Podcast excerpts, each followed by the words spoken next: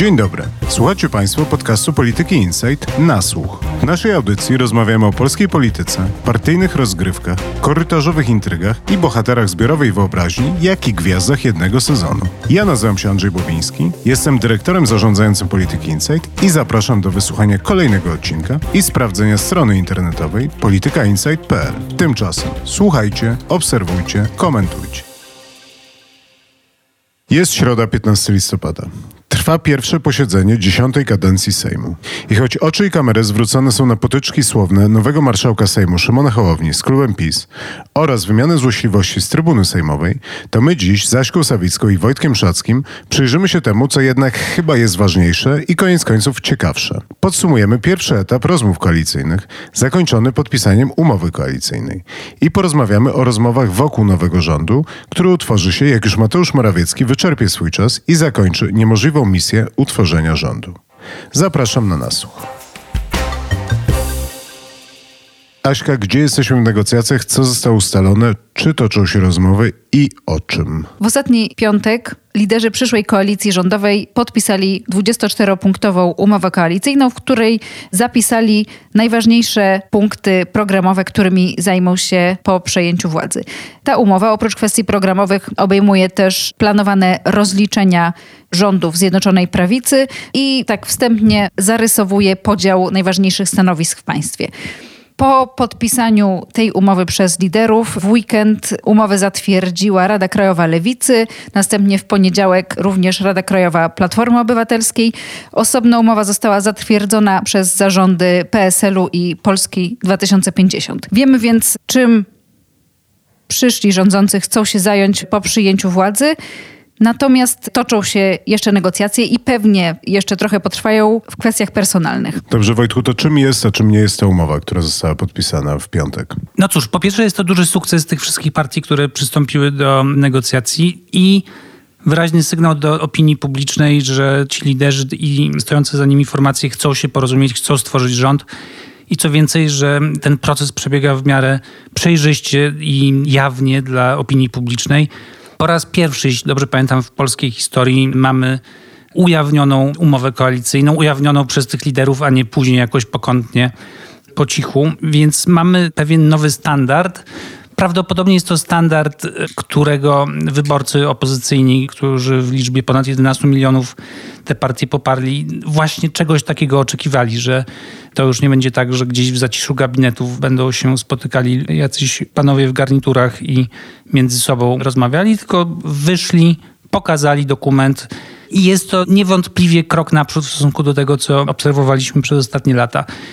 Więc to jest ten plus, który nie powinien przysłaniać jednak pewnych minusów tej umowy, tego dokumentu bo jest to raczej preambuła do prawdziwej umowy niż sama umowa. Brakuje w tym dokumencie wielu szczegółów, brakuje licznych obietnic z kampanii wyborczej lub są tak sformułowane te punkty w umowie, żeby każda partia była z nich zadowolona. Jest to umowa, która pokazuje kompromisy między tymi partiami, nierzadko trudne, nierzadko takie, z których nikt nie jest do końca zadowolony, ale również do końca niezadowolony. Wydaje się, że to jest taki najniższy wspólny mianownik, nie? W sensie, że to jest taki wyraz woli, to jest to, w czym jesteśmy w stanie się zgodzić, te obszary i te tematy, przy których się nie pokłócimy i to są te kierunki, w których chcemy iść, a jakiekolwiek szczegóły będą już opracowane na dalszych etapach i w przyszłości. Więc nie do końca trafiają do mnie te złośliwości, bo nie wydaje mi się, żeby koniecznie było to najważniejsze, żeby na etapie, kiedy jeszcze nawet nie wiemy, kim będą osoby, które będą decydowały za dane obszary, albo jak w ogóle będzie poukładany ten rząd, żeby zapisywać teraz jakieś konkretne programy albo obietnice. Wydaje mi się, że to powinien być następny etap.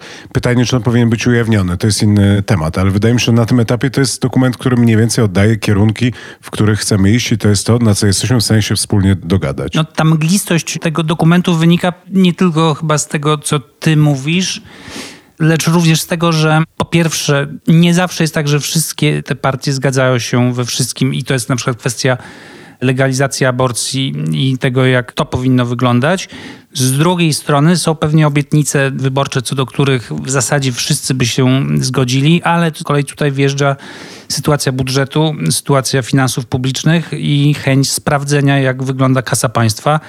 Więc mamy z jednej strony właśnie tę sferę powiedzmy rozdziału Kościoła od państwa. Jest jedno zdanie o rozdziale Kościoła od państwa.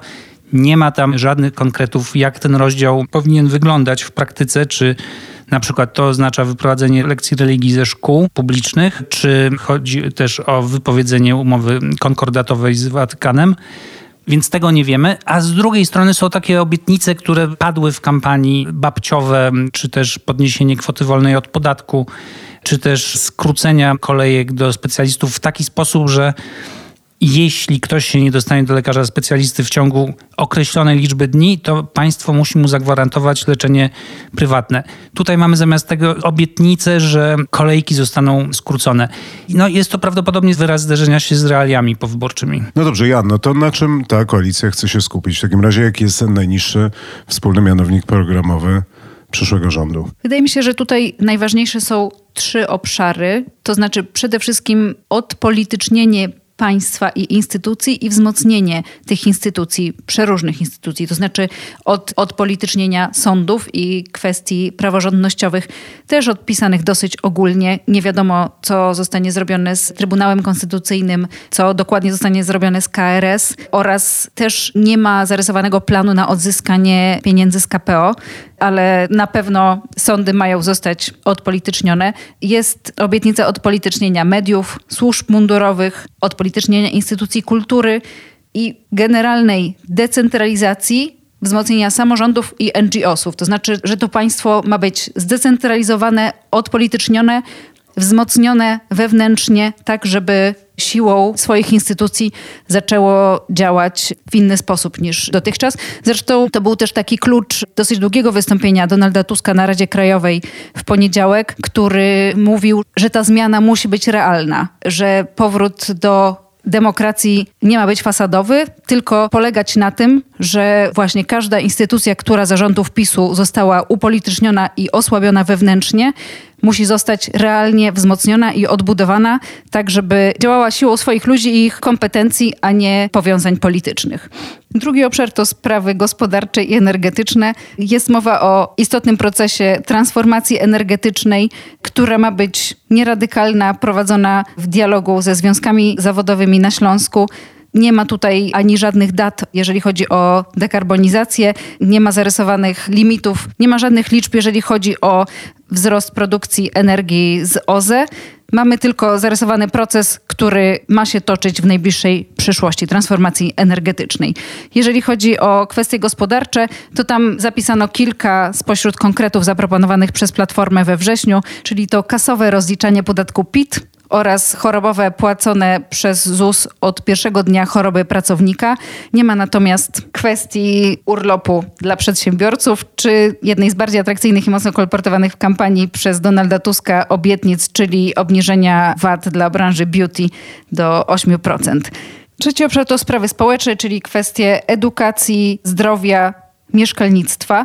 Jest tam obietnica podniesienia płac dla nauczycieli i budżetówki, natomiast nie jest powiedziane, kiedy zostanie to zrealizowane, ani jak wysokie będą te podwyżki.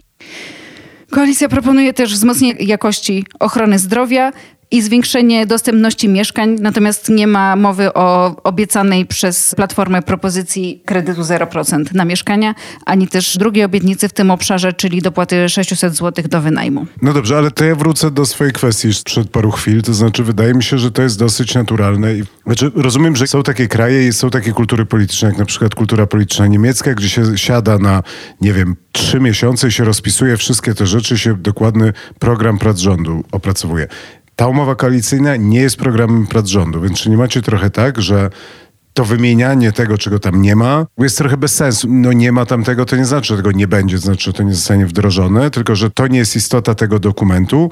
To będą ewentualnie jakieś założenia, czy jakieś ustawy, czy jakieś akty prawne, czy jakieś decyzje, rozporządzenia przyszłych ministrów, przyszłego premiera i na etapie, w którym ten rząd się ukonstytuuje, no to wtedy będziemy mogli patrzeć, czy te rzeczy, o których mówicie, że nie ma ich w tej umowie, to czy one rzeczywiście będą implementowane przez rząd. Natomiast nie do końca rozumiem, oczekiwanie, że te wszystkie rzeczy, o których mówicie, znalazłyby się w tej umowie. Nie, ja chyba tak nie mam, że oczekuję, że te wszystkie rzeczy miałyby się znaleźć w tej umowie i też nie krytykuję tej umowy, bo wiem, że te partie różnią się od siebie dość mocno i negocjacje w sprawie tego, co ma się tam znaleźć, na pewno nie były łatwe. Natomiast dla mnie jest ciekawe, co tam się nie znalazło, bo jednak, żeby przeforsować jakąś ustawę, potrzebna jest większość w Sejmie. I ten dokument daje jakieś tam podstawy do tego, żeby wiedzieć mniej więcej w których obszarach to zgromadzenie większości posłów do przegłosowania ustawy będzie problematyczne. Ja mam tak, że język tej umowy jest bardzo ciekawy i sposób sformułowania pewnych postulatów wskazuje na to, jak wyglądały negocjacje w tej sprawie i im bardziej okrągłe jest jakieś sformułowanie, tym bardziej można się prawdopodobnie spodziewać, że akurat w tej sprawie dojdzie do jakichś większych lub mniejszych sporów w koalicji. Sporów, które są nieuniknione, które są normalne w demokracji, w koalicyjnym rządzie. Więc z jednej strony uważam, że musimy się zajmować tym, czego nie ma, lub tym, co jest mgliste a z drugiej strony nie należy się tym nadmiernie przejmować, martwić i uznawać, że dzieje się coś bardzo złego, czy też, że te negocjacje nie dojdą do szczęśliwego finału. Dojdą, wiadomo, wszystko będzie ok, tylko gdzieś na koniec tej historii na pewno Donald Tusk, Włodzimierz Czarzasty, Szymon Hołownia i Władysław Kośniak-Kamysz, a być może również w niektórych sprawach inni udziałowcy tej koalicji, będą mieli swoje jakieś wota separata, będą mieli rozmaite poglądy na różne sprawy, a będą się przy tym poruszali w pewnym konkretnym otoczeniu budżetowym i gorsecie. No dobrze, to jeszcze zanim pójdziemy dalej i odejdziemy już od tej umowy, jeszcze chciałem zahaczyć was o ten pierwszy punkt, o którym mówiła Aśka, to znaczy o tym odpolitycznieniu i wzmocnieniu państwa. Jeżeli ja bym się czegoś czepiał, to chyba najbardziej tego fragmentu, to znaczy wydaje mi się, że to jest bardzo takie wiecowo-kampanijne, a szczerze mówiąc nie jest mi łatwo uwierzyć, że rzeczywiście dojdzie do odpolitycznienia, szczególnie patrząc na to, jaka jest atmosfera i jaka jest trochę opowieść o tym, co trzeba zrobić. To znaczy rozumiem, że ta opowieść jest taka, że żeby odpolitycznić, najpierw będą tam musieli wejść politycy, żeby zacząć odpolityczniać, no i to jest jedna z tych sytuacji, które znamy z polityki, ale też z remontów, że takie prowizorki najdłużej zostają. Więc czy nie macie poczucia, poczucia, że ten fragment jest najbardziej taki właśnie PR-owy i najmniej koniec końców prawdziwy. To, o czym mówisz, łączy się z tym, o czym jeszcze nie mówiliśmy, czyli o depisizacji państwa, która w tej umowie jest zawarta. I my tutaj do końca nie wiemy, jak ta walka z PiSem i rozliczanie funkcjonariuszy obecnej władzy będzie wyglądało. Umowa wspomina o komisjach śledczych, które mają zostać powołane. Liczba mnoga sugeruje, że muszą być co najmniej dwie takie komisje. Szkoda, że w polszczyźnie nie zachowała się już liczba podwójna, bo wtedy mielibyśmy jasność, czy to będą dwie, czy więcej takie komisje. Pierwotnie Władysław Kośniak-Kamysz obiecywał jedną wielką komisję Prawa i Sprawiedliwości, która miała rozliczać poprzednią władzę. Po drugie, umowa obiecuje działania prokuratury i doprowadzenie przed oblicze sprawiedliwości urzędników i polityków odpowiedzialnych za sprzeczne z prawem decyzje i dość to nawet szczegółowo wymienia kategorie czynów, za które będą rozliczani urzędnicy wysocy poprzedniego rządu. I wreszcie mowa jest o rozliczeniu pracowników telewizji publicznej, mediów publicznych. Mowa jest też o likwidacji CBA i powrotu walki z korupcją do CBS-u, do po prostu odpowiednich wydziałów policji. Krótko mówiąc, ta umowa mówi dużo o potrzebie rozliczeń, nie mówi do końca, jak te rozliczenia będą wyglądały. Natomiast duch tego dokumentu jest taki, że te rozliczenia będą oczkiem w głowie na pewno Donalda Tuska w pierwszych dniach rządu. Prawdę mówiąc, to pierwsze posiedzenie Sejmu, ta radość, którą było widać wśród wyborców opozycyjnych, gdy marszałkini Elżbieta Witek nie została wybrana do prezydium Sejmu, gdy Marek Pęk nie został wybrany do prezydium Senatu, wskazuje na to, że wśród wyborców opozycji te nastroje antypisowskie są bardzo silne i przyszły rząd będzie się musiał z tym liczyć i temu potrzebę zaspokajać.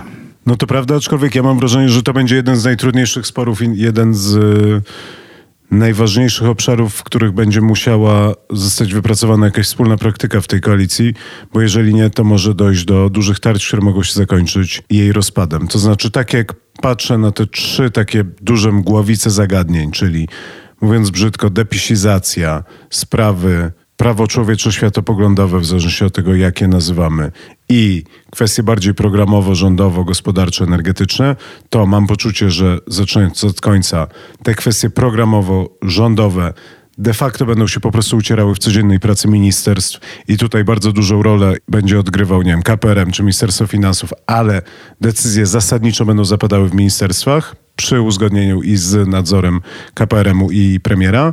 I to jest dosyć naturalne i normalne. Te kwestie światopoglądowe będą z kolei, czy tam prawo człowiecze, będą się ucierały w Sejmie i tu albo będzie dochodziło do kompromisów, albo nie, ale tu każdy będzie mógł głosować zgodnie ze swoją linią partyjną, ze swoim sumieniem i to jest taki trochę wentyl dla tego. Natomiast mam poczucie, że ten trzeci obszar, gdzie wszyscy teoretycznie się zgadzają i są w stanie sobie powiedzieć, że tak odpolitycznimy, czy to nazwiemy depisizacją, czy nie, to jest drugorzędne, ale że wiemy, jaki jest kierunek, natomiast tempo, metody. metody, sposób zorganizowania, wchodzenie w te szarości, powiedzmy, ładnie tym razem, tego jak przeprowadzać pewne procesy, to jest coś, co będzie wywoływało olbrzymie spory i co tutaj trochę jest zasygnalizowane, ale właśnie nie jest tym, co jest najłatwiejsze i najprzyjemniejsze. Wręcz przeciwnie, wydaje mi się, że to może naprawdę generować duże napięcia i takie napięcia wyniszczające dla tej koalicji. Nie wiem, jak na to No weźmy na przykład Trybunał Stanu. Czy to będzie narzędzie używane do rozliczeń polityków PiSu i wysokich urzędników państwowych, szefów instytucji. Tutaj pierwsza osoba, która przychodzi do głowy, to jest oczywiście prezes NBP, Adam Glapiński teoretycznie bardzo prosto go pociągnąć do odpowiedzialności przed Trybunałem Stanu, bo wystarczy do tego bezwzględna większość głosów w Sejmie. Czyli ten próg większości jest niższy niż w przypadku ministrów, nie mówiąc o prezydencie, który jest w ogóle bardzo mocno chroniony. Ale czy znajdzie się determinacja, żeby to zrobić, przy jednak dość mocnej ochronie konstytucyjnej niezależności prezesa NBP, przy pewnej możliwej wątłości zarzutów, bo oczywiście publicystycznie czy też merytorycznie można bardzo ostro krytykować prezesa NBP, ale z przełożeniem tego języka publicystyczno ekonomicznego na język prawnych zarzutów może być trudno. I to będą decyzje prawdopodobnie polityczne, będą to decyzje trudne. Prawdopodobnie nie będzie tak, że cała koalicja będzie się w tym zgadzała. Tutaj widać mniej więcej i zarysowują się te różnice. One są też gdzieś tam oczywiste pomiędzy tymi różnymi partnerami i udziałowcami tej koalicji. Tak, no na pewno bardziej radykalnych rozliczeń życzą sobie politycy i wyborcy Koalicji Obywatelskiej, a mniej radykalni i też mniej radykalnych środków chcą używać politycy PSL-u i Polski 2050. Dla mnie jest bardzo ciekawe, jak będą wyglądały komisje śledcze, które wydają się takim najłatwiejszym chyba do wykorzystania przez przyszłych rządzących narzędziem do rozliczenia rządów Zjednoczonej Prawicy, biorąc pod uwagę to, że przyszli rządzący nie będą mieli pełnej kontroli nad prokuraturą.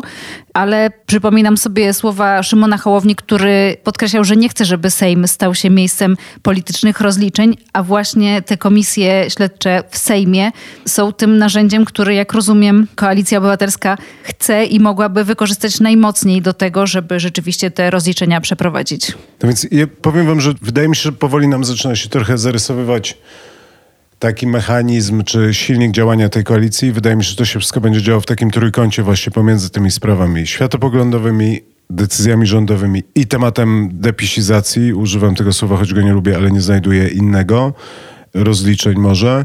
I wydaje mi się, że w tym trójkącie będą po prostu zapadały jakieś kompromisy, to znaczy po prostu będzie może przehandlowywać jedne decyzje za inne. I przykładem tego była kwestia tego, że ja rozumiem, że trzecia droga chciała głosować za Elżbietą Witek i do ostatniej chwili sugerowała, że będzie głosowała za Elżbietą Witek, bo uważa, że PiS powinien mieć swojego marszałka i sam powinien decydować o tym, kim ten marszałek będzie. Koniec końców dochodzi do głosowania i jednak trzecia droga głosuje razem z koalicją, wszyscy głosują razem, jest pokaz jedności. Ja się pytam i nie znam na to pytanie odpowiedzi, co w zamian dostała trzecia droga, ale zgaduję, że w zamian za głosowanie przeciwko Elżbiecie Witek Trzecia droga wynegocjowała, że te uchwały w sprawie Trybunału Konstytucyjnego czy KRS-u nie będą rozpatrywane w pierwszym tygodniu, a tak naprawdę prawdopodobnie na pierwszym posiedzeniu Sejmu.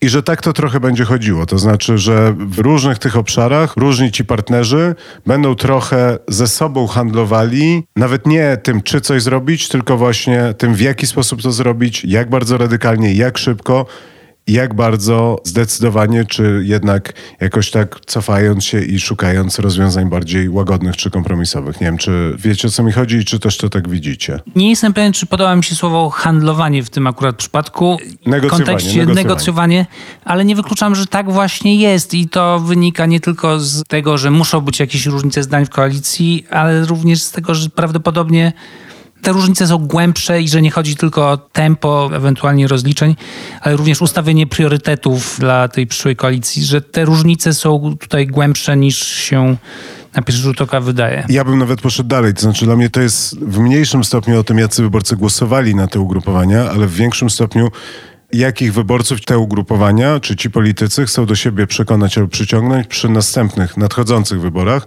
na przykład prezydenckich. Tak? I tutaj mówiąc prost, myślę sobie, że Szymon Hołownia, jeżeli ma być kandydatem trzeciodrogowym i jeżeli okaże się, że będzie miał jakoś wchodzić klinem między kandydata Koalicji Obywatelskiej a PiSu, no to siłą rzeczy będzie musiał być innym politykiem i będzie musiał przychodzić z inną opowieścią i będzie musiał nieść inną obietnicę dla swoich wyborców niż robienie tego, co robi Koalicja Obywatelska w tym momencie. Więc to jest to napięcie, które będziemy obserwować. I już kończąc i podsumowując, wydaje mi się, że to będzie powodowało, że będziemy mieć cały czas poczucie, że ta koalicja się kłóci.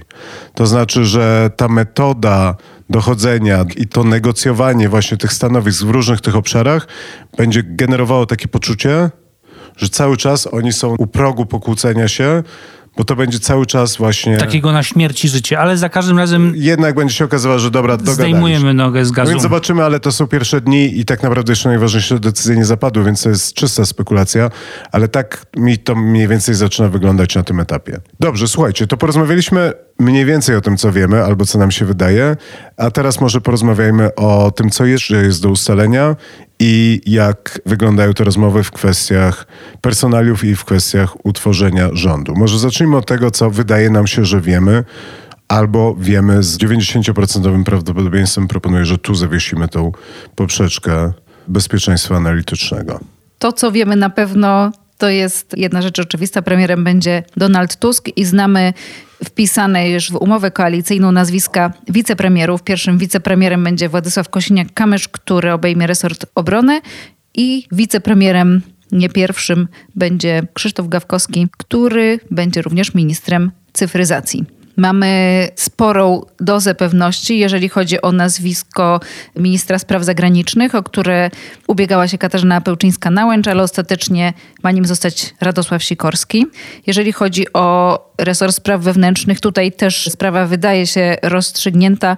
Ministrem ma zostać Marcin Kierwiński, przy czym w obszar kompetencji tego ministerstwa nie będą wchodziły służby specjalne. Jeżeli chodzi o koalicję obywatelską, ona będzie miała na pewno nadzór nad Ministerstwem Finansów i tutaj dosyć pewnym kandydatem wydaje się Andrzej Domański. Andrzej Domański, przypomnijmy, to jest nowy, debiutujący w Sejmie poseł, który wszedł z ostatniego miejsca w Warszawie i reklamował się jako człowiek od gospodarki w kampanii i jest ekonomicznym ekspertem od kilku lat Platformy. Więc na mojej liście Domański jest w kategorii prawdopodobnej raczej, czyli tu bym powiedział jakieś takie 65-70%, ale to ja. Jeżeli chodzi o takie bardzo ważne resorty, które pozostaną jeszcze w gestii Koalicji Obywatelskiej, no to na pewno mamy aktywa państwowe i tutaj chyba też nie mamy pewności, natomiast mocnym kandydatem jest Borys Budka To ja tu jestem w kategorii prawie pewne.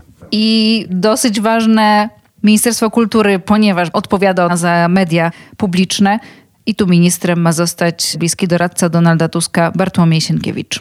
Jeżeli chodzi o inne nazwiska, co do których mamy też spore przekonanie, to jest jeszcze przyszła ministerka klimatu Paulina Henik-Kloska z Polskiej 2050. Natomiast nie wiemy do końca, czym to ministerstwo będzie się zajmować, znaczy jak duże będzie to ministerstwo. Rozumiem, że Partia Polska 2050 stara się, żeby to było takie super ministerstwo, które będzie odpowiadało za jak największą część tej polityki energetyczno-klimatycznej. Zobaczymy, czy tak to się skończy. No i tutaj jest jeszcze kwestia obiecanego przez Koalicję Obywatelską resortu przemysłu, który miał powstać na Śląsku i pytania, czym ten resort miałby się zająć, czy on będzie równoległy do Ministerstwa Aktywów Państwowych, czy jakoś z nim połączony i właśnie czy on przypadkiem nie będzie nadzorował energetyki, która no, będzie dosyć ważnym obszarem i dlatego no, nie mam tutaj pewności, czy Polsce 2050 uda się wynegocjować w momencie, kiedy przejęła nadzór de facto nad całym Sejmem. Polska 2050 jest też, jak słyszę, zainteresowana Ministerstwem Funduszy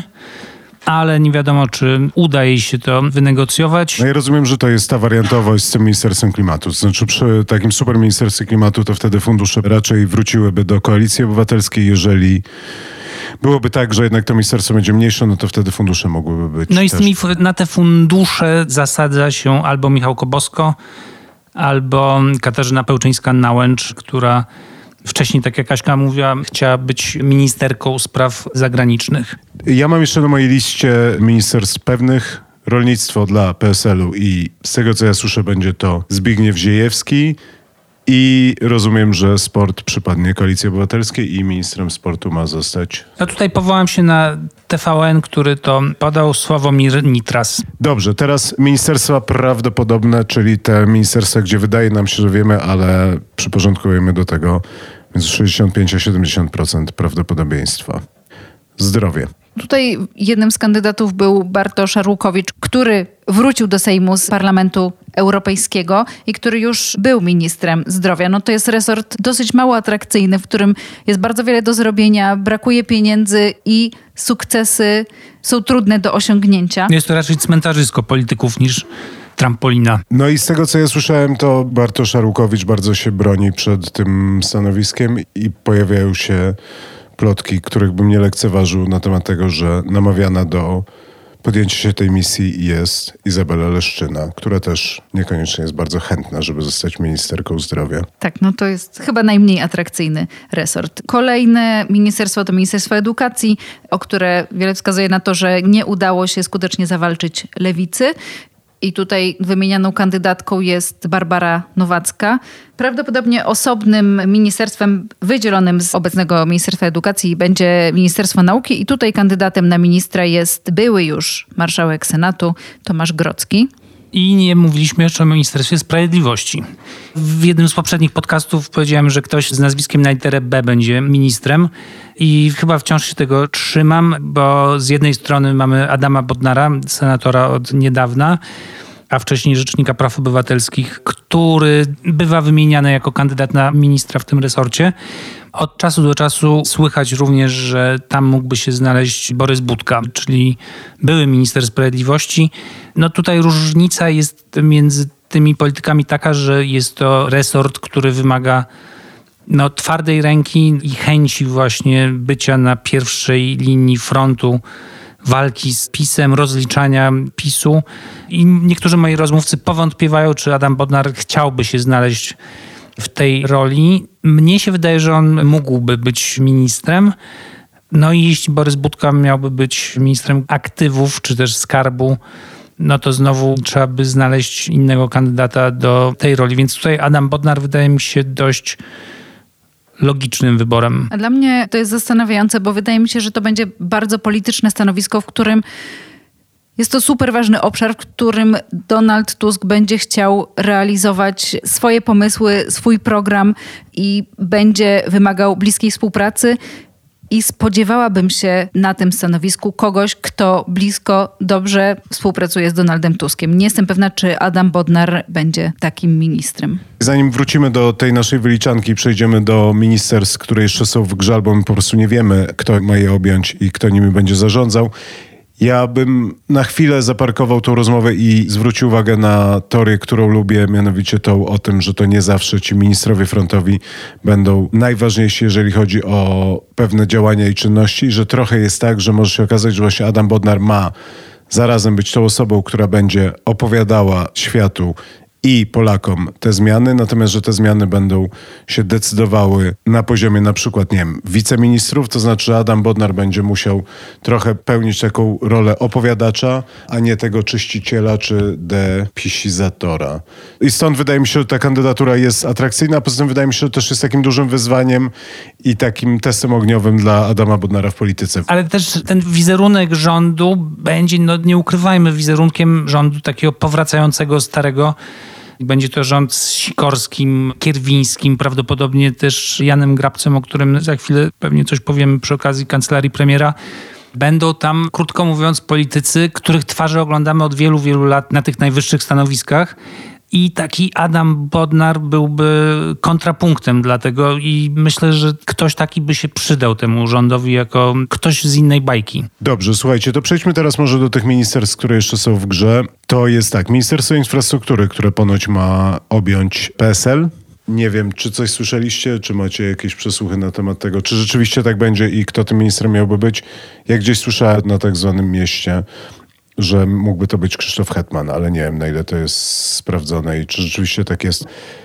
Są sprawy społeczne, które prawdopodobnie obejmie Lewica. To są sprawy społeczne i praca i Ministerstwo Rozwoju, które jest pewną zagadką, bo... O którym jest bardzo cicho. Bardzo jest cicho, ale bo to jest takie dziwne ministerstwo, które na różnych etapach jest albo bardzo duże, albo bardzo małe. Przypominam Wielkie Ministerstwo Rozwoju za Mateusza Morawieckiego, które potem było coraz bardziej okrajane i osłabiane i teraz rzeczywiście... No ale od czasu do czasu też coś mu nagle skapywało, na przykład budownictwo przyszło no, więc z infrastruktury, właśnie, więc, więc to było takie wygodne miejsce, które puchło albo się kurczyło. No w ogóle to jest taki resort, który wcześniej był resortem gospodarki zarządów Platformy i tutaj w tym naszej liście w ogóle nie ma takiego resortu gospodarki. Jeżeli też nie miałoby być rozwoju, to te sprawy by były rozprowadzone po różnych innych ministerstwach. No i to była dosyć ciekawa sytuacja, w której rzeczywiście takiego resortu nie mamy. No więc ja myślę, że po prostu na jakimś etapie, prawdopodobnie za jakieś 6 do 12 miesięcy, powstanie to Ministerstwo Przemysłu na Śląsku albo nie na Śląsku i ono powstanie z połączenia właśnie Ministerstwa Rozwoju i prawdopodobnie tego, co zostanie po Ministerstwie Aktywów Państwowych. I trochę dlatego to ministerstwo w tym momencie nie jest w pierwszym rzucie ministerstwem, o których się rozmawia, bo ono jest raczej takim mówiąc po angielsku, placeholderem, taką zaślepką na przyszłe Ministerstwo Gospodarki, które jeszcze nie zostało wymyślone i nie zostało stworzone i dopiero nadejdzie w tym kolejnym rzucie, a tak naprawdę za gospodarkę będą odpowiadały te inne działy, to znaczy trochę Ministerstwo Finansów, trochę ta energetyka w dużej mierze, pewnie aktywa państwowe, które pewnie będą jednak nazywały się skarbem i na pewno też w KPRM-ie znajdą się ludzie, którzy będą rozcięli sobie prawo do tego, żeby za gospodarkę odpowiadać. Pytanie, czy wrócimy do pomysłu Rady Gospodarczej przy premierze, jak to niegdyś bywało. Został nam KPRM i nie wiemy, kto będzie szefem KPRM-u, a wydaje się, że to jest bardzo istotne. Nie wiem, czy nie jedno z najistotniejszych stanowisk w przyszłym rządzie. Tak, no i tutaj jednym z wymienianych kandydatów jest Jan Grabiec, którego nazwisko nie pojawia się przy żadnym innym resorcie, a który jest bliskim od dosyć dawna współpracownikiem Donalda Tuska i wydaje się sprawnym organizatorem, a przy tym osobą niezwiązaną z żadnym takim konkretnym merytorycznym tematem, więc ten bliski współpracownik Donalda Tuska wydaje się prawdopodobnym kandydatem na szefa kancelarii premiera. Z drugiej strony podobno on chciałby zostać szefem klubu, którym obecnie jest Borys Budka, ale Borys Budka prawdopodobnie z tego zrezygnuje w momencie, gdy zostanie ministrem, takim czy owakiem, no i wtedy zwalnia się to miejsce. Jest pytanie, kto byłby szefem klubu, ale też słyszałem o tym, że Jan Grabiec może zostać szefem kancelarii premiera. Jeszcze opuściliśmy obecnego ministra w przyszłym rządzie prawdopodobnie wiceministra do spraw Unii Europejskiej, bo z tego, co słyszymy, ten dział akurat ma przewędrować z powrotem z kancelarii premiera do MSZ-u, co sprawi w ogóle, że ten MSZ będzie znowu dużo potężniejszym resortem. No i tutaj to ty chyba, Andrzej, słyszałeś od kogoś, że Adam Szłapka mógłby być takim superpotężnym sekretarzem stanu odpowiedzialnym za relacje z Unią Europejską. Nie wiem, czy superpotężnym, ale tak słyszałem i mniej więcej w to wierzę. Też osoba, która jest bardzo często wymieniona, to jest Piotr Serafin, ale jeżeli miałbym zgadywać, czy to będzie Serafin czy Szłapka, to obstawiałbym bardziej, że jednak Adam Szłapka. Słuchajcie, to jeszcze chciałem was zapytać na koniec, podsumowując, co to będzie za rząd? To znaczy, mówiąc wprost, jest ta taka teoria, która też była opisywana, zdaje się, w Newsweeku to widziałem, ale też o tym się mówiło już od dawna i, i cały czas się mówi o tym rządzie zderzaków. To znaczy, jest ileś tutaj osób, które z jednej strony przychodzą po to, żeby właśnie wyczyścić, posprzątać, wykonać jakąś tajną albo mniej tajną misję, a następnie albo udać się do innych zadań, czy to będzie Parlament Europejski, czy jakieś inne stanowiska międzynarodowe, może spółki Skarbu Państwa, nie wnikam, wydaje mi się, że to w ogóle na tym etapie nikt tego nie wie. Natomiast, że to jest taki rząd tymczasowy, przejściowy, sanacyjny i że tak naprawdę ten prawdziwy rząd, ten rząd Tuska 2.0, który ma przeprowadzić jakieś dalej idące reformy i się zająć tematami bardziej rozwojowymi, dopiero nadejdzie po tych powiedzmy tam sześciu czy iluś miesiącach. Czy wy w to wierzycie i czy wierzycie w to, że taka konstrukcja jest możliwa? To znaczy, czy rzeczywiście to może tak działać, że przychodzi Donald Tusk ze starymi druchami, żeby utorować drogę, ale tak naprawdę za jakiś czas przyjdą ci inni młodzi, którzy będą tworzyli nową Polskę. Donald Tusk obiecywał odświeżenie, odmłodzenie polskiej polityki i rzeczywiście skład tego rządu, jeżeli będzie taki, jak tutaj przed chwilą omówiliśmy, no na to nie wskazuje. Najważniejsze resorty obejmą bardzo bliscy współpracownicy Donalda Tuska, których znamy z polskiej polityki od wielu lat. No, najlepszym przykładem jest Radosław Sikorski, ale też Borys Budka, Bartłomiej Sienkiewicz, Marcin Kierwiński. To są politycy Platformy, którzy uczestniczyli we władzy już w poprzednich latach. I też o części z nich słyszymy, że być może wystartują oni w wyborach do Parlamentu Europejskiego. Wydaje mi się, że Donald Tusk uznał, że ten pierwszy czas po zmianie władzy rzeczywiście będzie bardzo trudny i ze swoimi najbliższymi współpracownikami będzie musiał wprowadzić trudne, ważne zmiany i będzie musiał mieć nad tym pełną kontrolę ale jeżeli będzie chciał rzeczywiście jakiejś takiej zmiany w polskiej polityce, odświeżenia, odmłodzenia, wprowadzenia więcej kobiet, no to ta rekonstrukcja będzie musiała nastąpić. Mnie nie przekonuje sformułowanie rząd zderzaków w tym kontekście, bo przywykło się mówić rząd zderzaków o takich politykach, którzy mają słabą pozycję i którzy są łatwo wymienialni a tutaj mamy raczej do czynienia z politykami o mocnej pozycji, którzy niekoniecznie chcą być ministrami przez całą kadencję, bo na przykład bardzo chcą wejść do Parlamentu Europejskiego. I to jest podobno przypadek Bartłomieja Sienkiewicza, być może również Bartosza Arłukowicza. Pamiętajmy, że jeszcze jest kwestia obsadzenia komisarza unijnego wkrótce po wyborach europejskich. Więc zgadzam się, że tutaj niektóre z tych karier mogą być krótkie, natomiast niekoniecznie dlatego, że są to zderzaki, tylko z zupełnie innych powodów. Rzeczywiście trudno mówić o jakimś wielkim odmłodzeniu, przynajmniej jeśli patrzymy na tę listę, którą tutaj przedstawiliśmy. Rzuca się w oczy, że nie mówiliśmy o nie wiem, Aleksandrze Gajewskiej czy Kindze Gajewskiej czy o pośle Myrsze i paru innych przedstawicielach i przedstawicielkach młodszego pokolenia Platformy i Koalicji Obywatelskiej, którzy na tej giełdzie nazwisk w ogóle się nie pojawiają.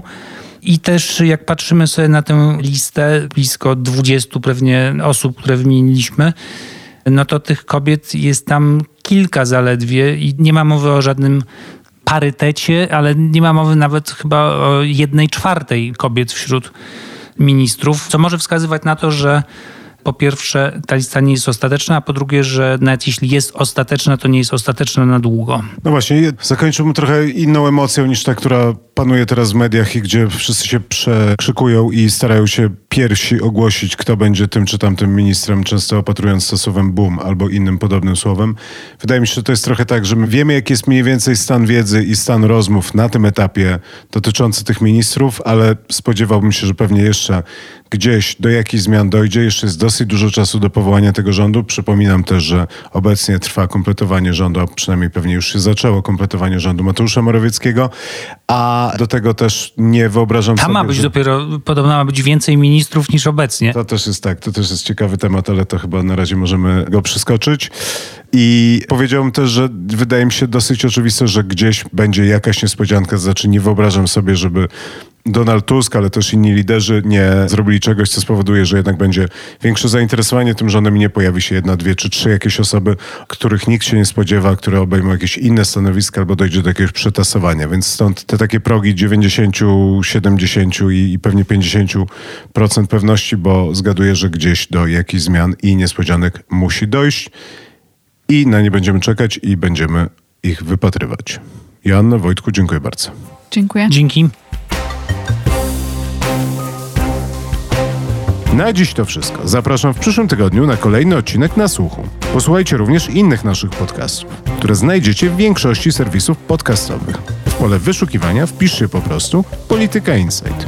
Słuchajcie, obserwujcie i komentujcie. Do usłyszenia.